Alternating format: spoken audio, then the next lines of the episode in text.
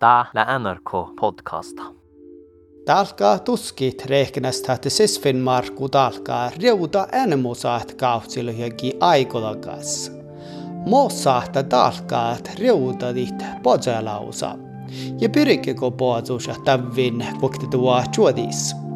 Ton kultalat NRK saami ovaspodda ja muun len juonante ytsi.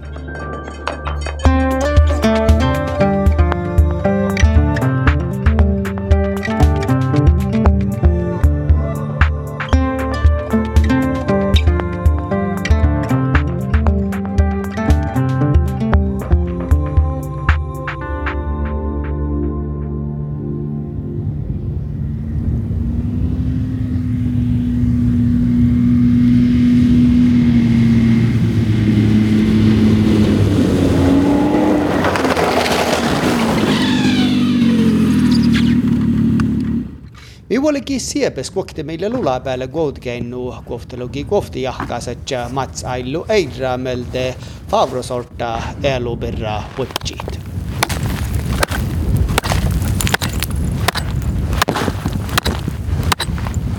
Vaikka joulamannu, da ain ferehte mats ailu iska hienia oudan rastinta jaurit. Ahkalle purraa hiekka. I pääse jala. Lolle purrie. Täällä kun jaurimas laipu verraamus jätjälämme. Stora jäytis. Talvi saa yhtä. Sutti toppikasku jauri. Aika lojuuts taakko. No man tonte valjen pazo saamelaisen shaddat. Nä, nä kato mun rekaan tässä. Mun sahti ja adja ja mataraadja ja, ja nukuhkas kun kun puhutaan saamelaisen lämmösen muu päärässä parkan pohtiin. No ehti ei mun kalle ärakallet stuuderin. Tällä kuin maimun haljen joskit. No mohtalle lämmösen täällä tahten odvaas, että kullui hen muistelemään, että tälkää reutama ja Mutta teillä aalikin porka pohtuu, kun tutki naa einnostit. Nädalle kal tällä kal saamelaisen lämmösen vaattis vuolka laalookal. Sisäpahkeämme ja viisut jakkarat teuskel poverran musa, kuin lämmösen. No teuskel saahta just aalikin reuta anjalakin, että ah, laasse kuohtumi visoha, että talva. Tällä kal vaattis vuotta. Mutta mun kallen kuittan reisko munnen alkan päivälle pohtikon. Varka mi kallet shaddan piamma johki talvi. Kulle pohtanut olu muohta johkiikin. Ja lassi. Tähtälle tälle kun mun niinku shaddan näitä. Ni var shad jaski hen. Det siste tiåret har det vært store temperaturendringer. Og temperaturen øker raskere i fjellområdene enn i lavlandet. Et varmere klima er en stor utfordring for dem som jobber i fjellet. Breen i høgfjellet blir stadig mindre. Og prognoser fra Klimaservicesenteret viser at fjellområdet i Jotunheimen kan få samme temperatur som Sandnes om 80 år.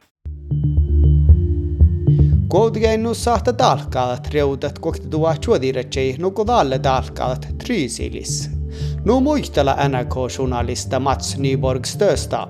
Kilahu man manka talkaa tuskin ja oftas kollega kuin rahkada nu kohti tuon talkaada firmaadaka NRK-nehti.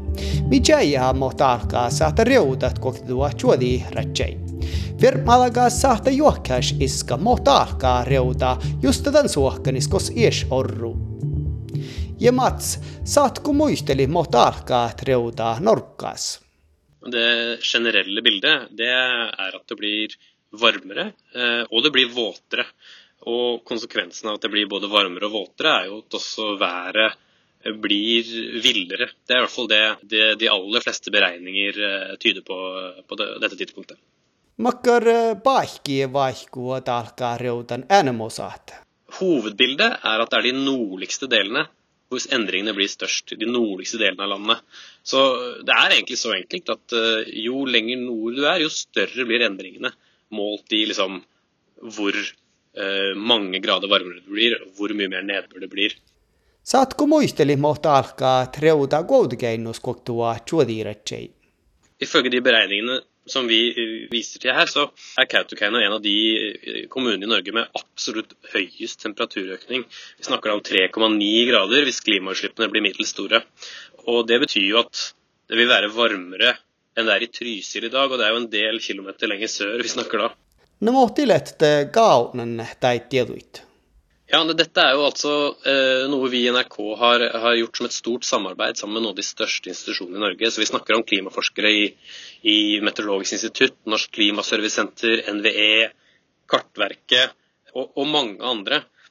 Det som er litt viktig å si her, er at eh, man kan ikke stole på at disse tallene stemmer sånn eh, på centimeteren. Men det forskerne er veldig trygge på, er at hovedretningen her stemmer. NRK-journalista Mats Nyborg Stöste jilgahti talkaa tuskit jahki tavvi aartalaskouluin märkäsit talkaa reudama pormusaat. Ouda märkä tihti koudgennus arvaa jejelot millimeträ empo jahtsi ja temperatuura loktana kolmarihku ohtsi gradein. Koulus läht äänet talkit ko virtuut tatjason. Mutta son jilgistä majahti talkaa reudan jannon tasamohmi ellit. Jos ärraadje se u kuuftes nuoskidämi, te sahta väl värra shaddat.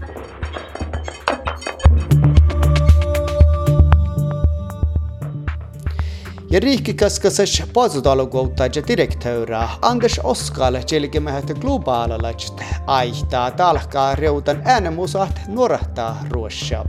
Mongolia ja Kiina pasoelausa.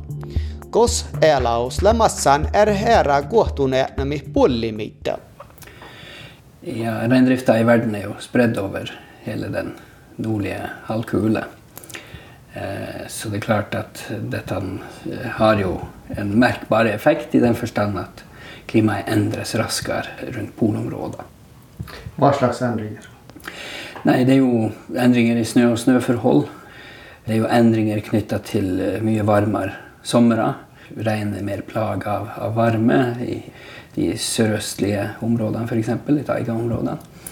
Dette med i nyere tid også branner. Man har veldig, veldig store skogbranner som har spredd seg fra skogsområdene i sørøst, sørøstre del av, av Russland, helt nordover til, til Nordishavet.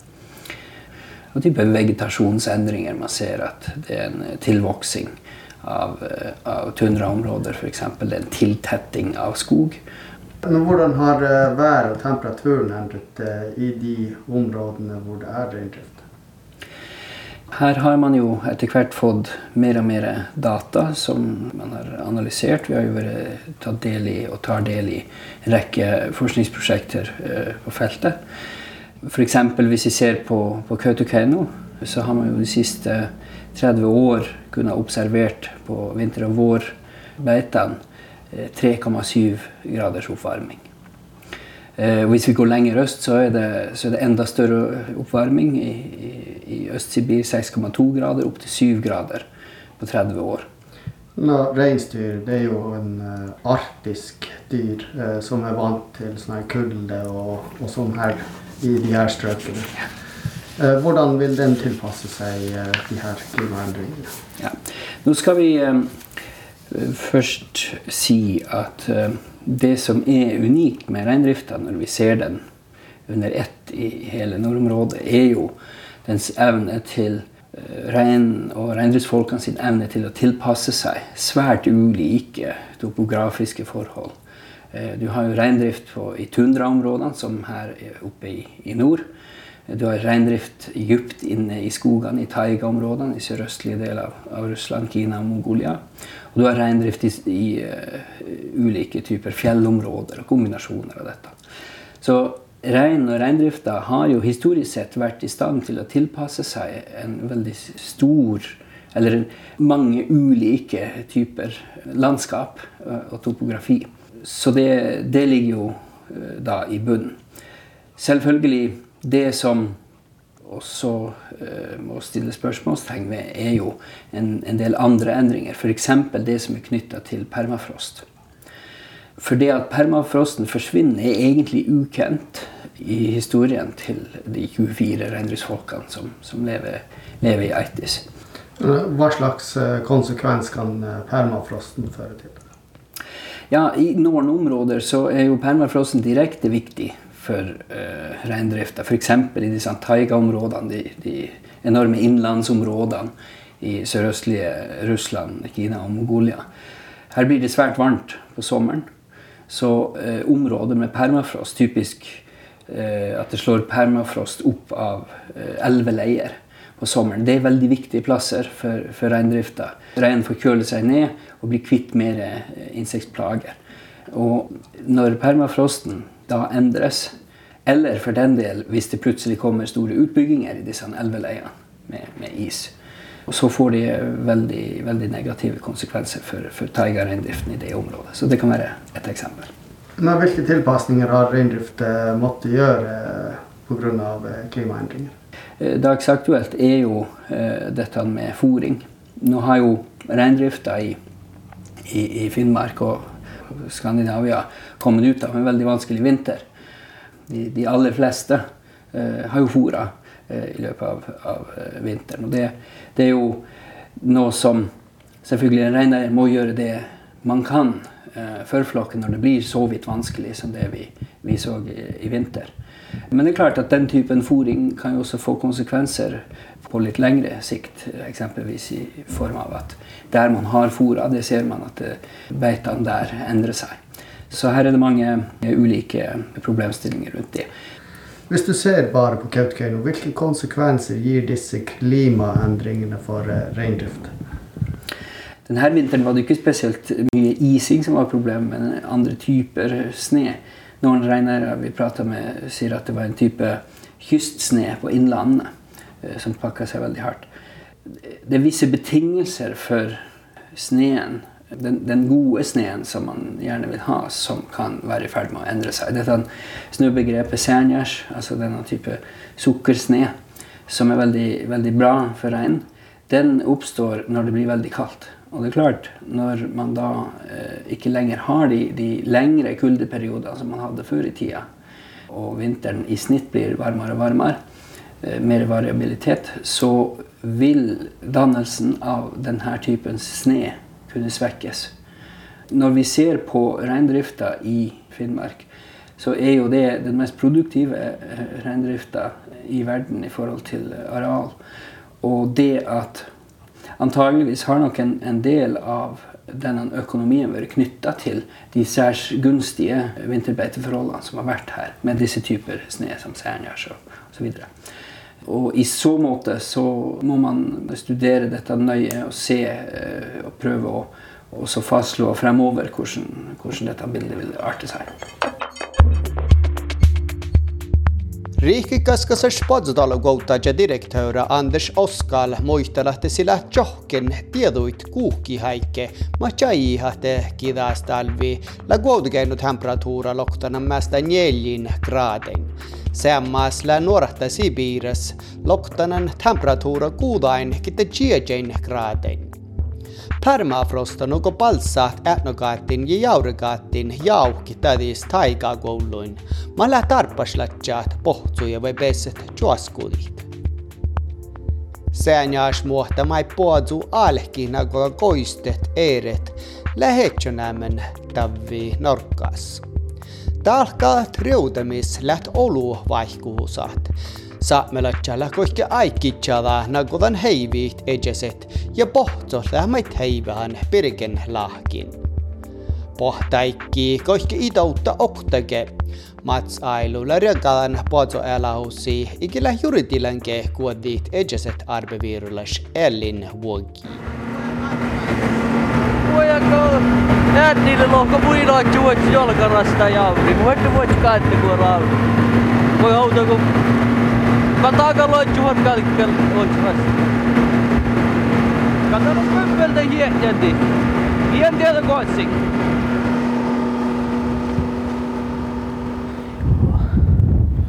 No meillä sorrotaan heinusta me koktetua te juodis saahta lähte aipsäärällä aika maailmia. Ka tietysti saahta. Tällä kun lohkontanut på kuuhka, että reutaa mailimi ja kalta tietysti reutaa. Kun liekkana pohtaa muuta johonkin talviappuja. Äili puolellisesti. Niin, mä kalli, kalli joku puolelles tjaktse ja ollut muuhtelu puolta jaarrati. Ja alle myös helt nuppelakki. Kallienkin manjaasta on voittanut, että muohtele reutan tätä talkaa. No mun muistan kall, kall mun, ka mun muistan alle kuuhkas, ka mun kohta jägi kui muistan huipuurista. Tällä mun on johonkin talvilämys meiltä läpi. Nää vuoroin ja... Tai mun kui muistan.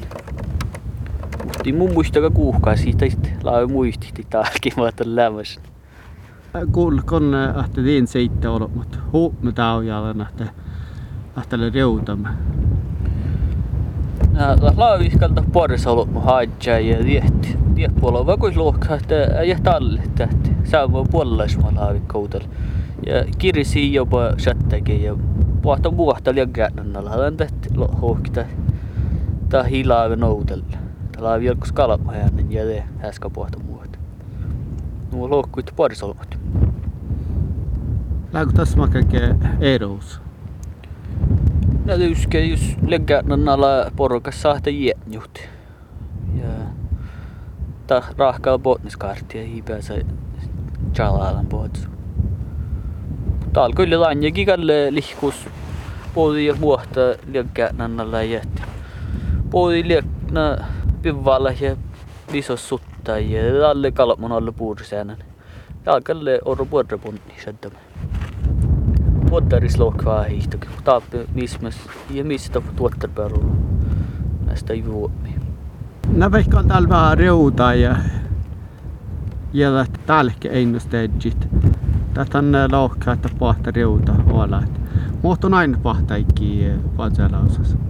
Mun aina lähti, missä että koitti parankan nuo puurus, kun minä koetut. Ja mun kalli jahkan vatsut oli hinnokokan tänne.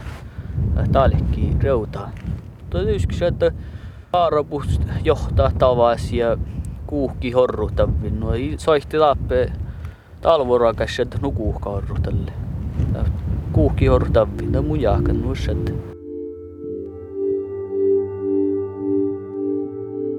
Reudaako talkaat, kun talkaat tutkilla rehkinästään, vai puolestis kohtaako maailmifassa. Sahtako nu jutsit, että päivi isä liikki maailmi vai laako seu kuhtes nukaras liikki maailmi, että tani sahte pissiit. Pirikiko puolzu pohtaiks, näpä olomot. Ei lää maankas käpes vaasiit koktetuat juodi. Tahtan orru nuukuhkin eeret taala aikis. Ton kuultelit NRK Saami Ovaspodda ja muun len juonante ytsi. Ton koktelegi kokti kiel. Kokti tuo juodis. Mä paristin tälle. Juodi ja kokti. Ja kannattaa päästä vaan siitä. Tai tietysti sahtaa vaasi, mutta maattar atcha oppaa kyllä nälli, ja talle täytän tännekin juodiakin. No, tälle vei olla se mun vaasi entä. Mutta kannattaa tälle tietysti vaattis katsoa tätä vaasiivset vaikka.